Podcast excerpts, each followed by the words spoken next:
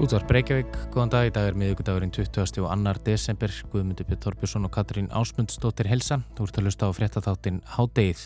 Nú er farið að líða að jólum fyrir alvöru og því tilefni og þar sem þetta er nú síðasta Hádeið fyrir jól, ætlaðu að rekja upprunna sögu merks manns eða merkra manna, jólasveinana, þeirra sem skilja eftir varning og gottir í skóm barna í aðdraðanda jóla. Vika gleði en líka stundum ugg við skoðum tilur þeirra tilgang og áhrif í síðari hluta þáttarins.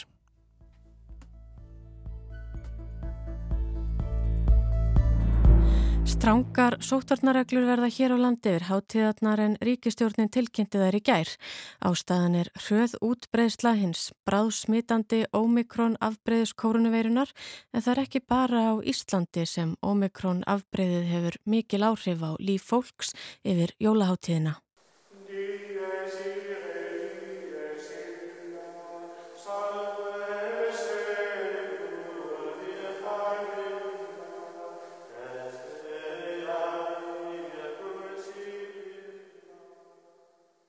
Dagur reyðinar, dagur sorgarinnar, D.S.I.R.E. D.S.I.L.A. syngja þessir munkar úr klöstri heilags Máritsar í smábanum Clairvaux í norður hluta Luxemburgar. Þennan fallega hluta Sálumessunar, svo kalluðu sem sungin er við útfarir kathólskra, er ekki lengur að finna í Sálumessunni. Hún var tekin út á síðara Vatikanþinginu á sjönda áratögnum Þar sem einhverjum þótti það helst til nýðurdrepandi fyrir sirkjendur að hlusta á berorðar lýsingar fransiskanans Tómasar frá Celano á sjálfum domstegi. Þegar hímin og jörð brenna og henn dómharði drottin miðalda myndar hamarinn góða komin til að dæma bæði lifendur og dauða. En ef það er eitthvað sem miðalda skáldskapur sínir okkur á hispuslausari hátt en margar aðrar hliðar bókmenta á lista, er það líklega það að lífið í þessum heimi getur verið alveg djúfulega leiðinlegt og erfitt og þegar upp er staðið erum við upp á náðu og miskun einhvers utanakomandi komin.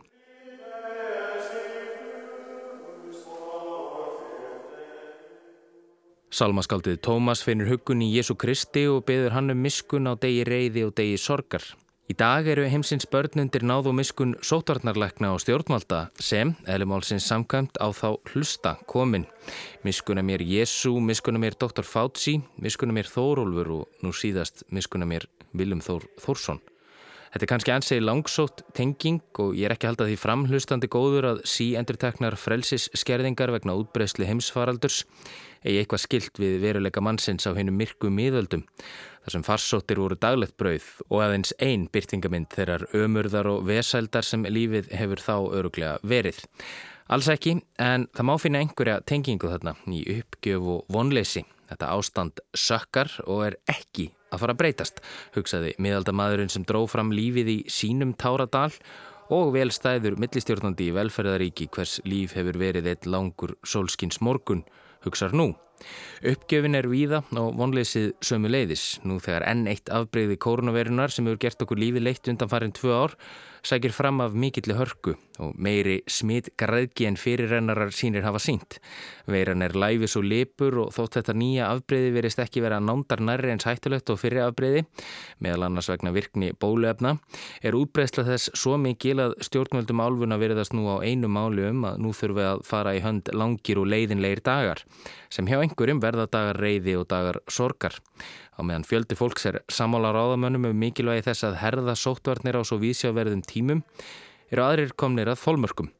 Tæmlega 90 miljón tilfelli COVID-19 hafa grenst í Evrópu frá því að koronaviru faraldurinn bröst út fyrir tæpum tveimur árum og hefur yfir 1,5 miljón látist af völdum hennar. Við höfum oft haldið þetta sér búið en hún ætlar allavega að bjóða okkur upp í einn dans í viðbót.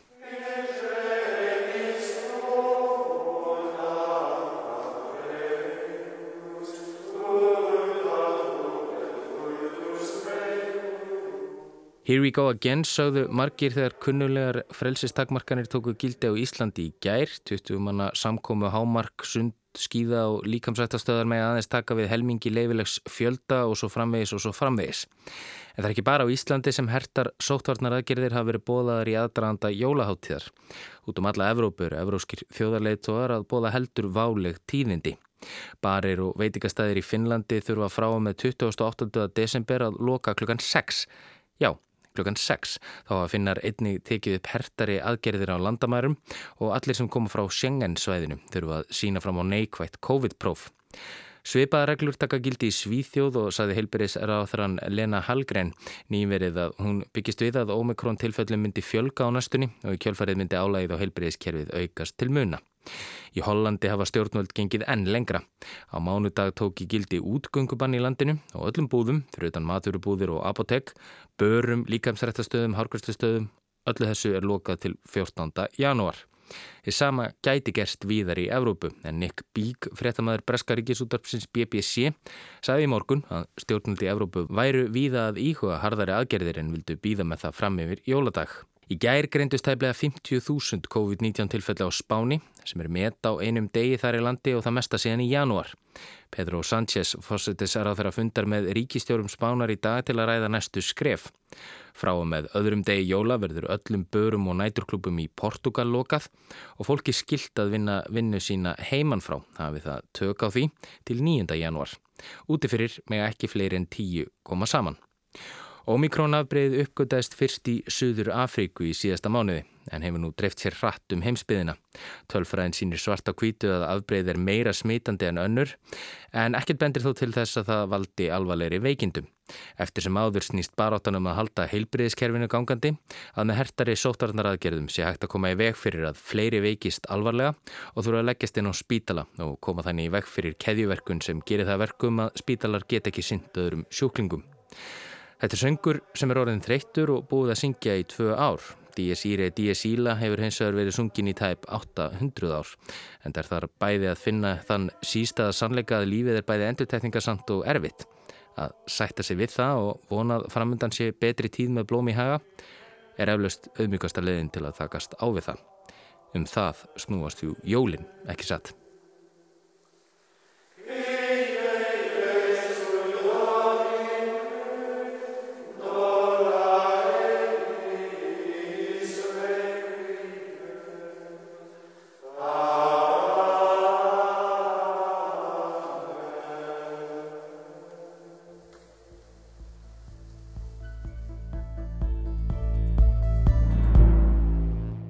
Það eru alveg að koma jól, blest börn. Hér á landi eru vel meðutuð um það en það var fullortnir fyrðulegir og eflust fornir menn eða tröll laðist inn um glukka hjá þeim síðustu nættur og skilja eftir ímislegan varninga gottir í glukkaskóm sem marka nýðurtalninguna fyrir aðfangadag.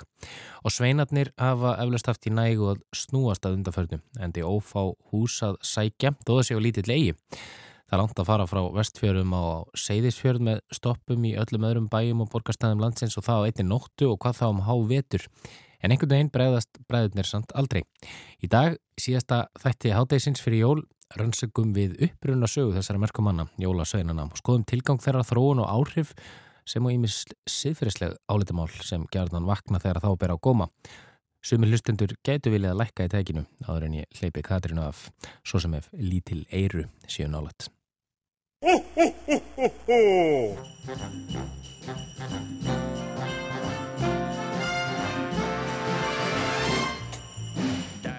Hver kom fyrstur til byggða?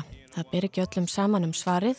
Margir kannski njóta fyrstum heilaga Nikulás en sagtir að reykja megi uppruna rauðklætta jólasveinsins til hans, biskups frá fjórðueld eftir Krist sem gerður var að dýrlingi fljótli eftir píslavættistöða sinn verndar dýrlingi sæfarenda, kaupmanna, mentasetra og barna. Þessi hvít síðskeggjaði biskup sem ávalt bar mítur á höfði var þekktur fyrir mikið gjafmildi og góðmennsku og allskunnar jólasveina siðir og hefðir eru ræktar til hans til að mynda rauði lit jólaliturinn og það þrátt fyrir að heilagur Nikolásafi ávalt klæðst purpuralitri kápu. Þá er sagt að rekja megi hefðina um að setja skó út í glugga í aðdraðanda jóla og hengja sokkar á arinhillur til kraftaverk sem eignað hefur verið heilu um Nikolási. Hann er sagður að hafa forðað þremur megin frá vændi með því að gefa fátækum föður þeirra heimannmund svo þær gætu gifst líkt og allar sómasamlegar konur. En það var skömma því að þykjast líka gjöf og gatt Nikolás vist ekki bara bankað upp á með tösku fulla af gulli. En hann, maður lausna, greip því til þess ráðs að lauma gullpenningunum niður skorsteinin að næturþeli og taskan er sögð hafa lendi sokk sem hjekk til þerris við arinin. Með þessu góðverki sínu bjargaði heilagur Nikulás örlögu megin að þryggja og kraftaverki var alls ekkert einstæmi og sögur af heilögum Nikulási og kraftaverkum hans bárust eins og eldur í sinu, mótuðust svo af ferðalæginu og eftir því hver sagði og hver heyrði sögurnar. Til dæmis var útgáfan orðin þannig á Englandi að Nikulás drefiði gjöfum til barna með því að læðast inn um glugga. Þessar sagnir um Nikolás bárust svo með hollenskum innflytjandum til Ameríku á 17. öld. Á hollensku var hann kallaður Sinterklaas og á amerískunni var það að Santa Claus. Í Ameríku gegst hann einni undir ákveðna ímyndabreitingu auk nafnabreitingarinnar.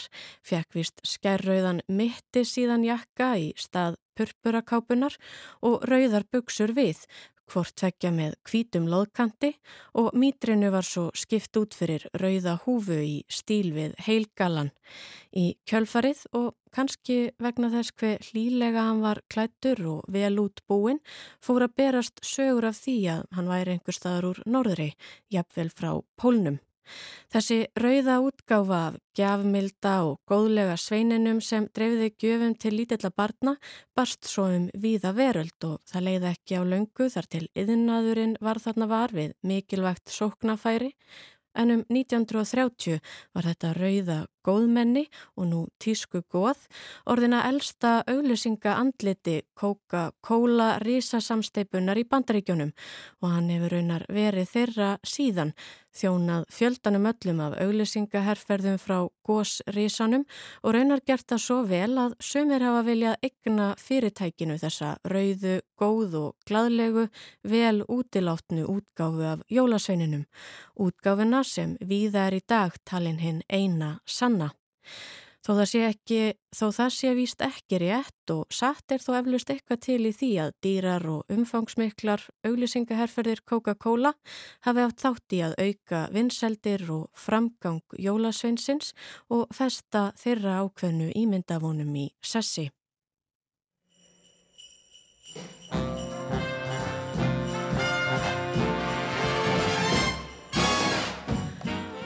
Önnur og kannski minna þekkt uppbrunakenning Jólasveinsins og jafnframtaðins umdeildari vist er að aðsti og elsti ása goðin einn skapara heimins og jarðar sjálfur Óðinn sé fyrsti Jólasveitnin eða fyrsta fyrirmyndin. En Óðinn byrtist mönnum sem gamall einegður förumadur í skikju með loði og með barða breyðan hatt eða hettu og þótt að kannski megi virðast langsótt í fyrstu áan margt sammert með hennum rauða. Hann til dæmis flögvístum heiminloftin að vetri til og deildi út gjöfum til henn á góðu, slefti hennum vondu eða óþekku. En í stað áttafljúandi reyndýra ferðaðist hann reyndar um á fleigum og áttfættum hesti sem stundum drósovist sleða. Og svo er vist eitthvað alls konar í þessu til viðbótar, til dæmis eins og að stundum var vísa til óðinn sem jól föður.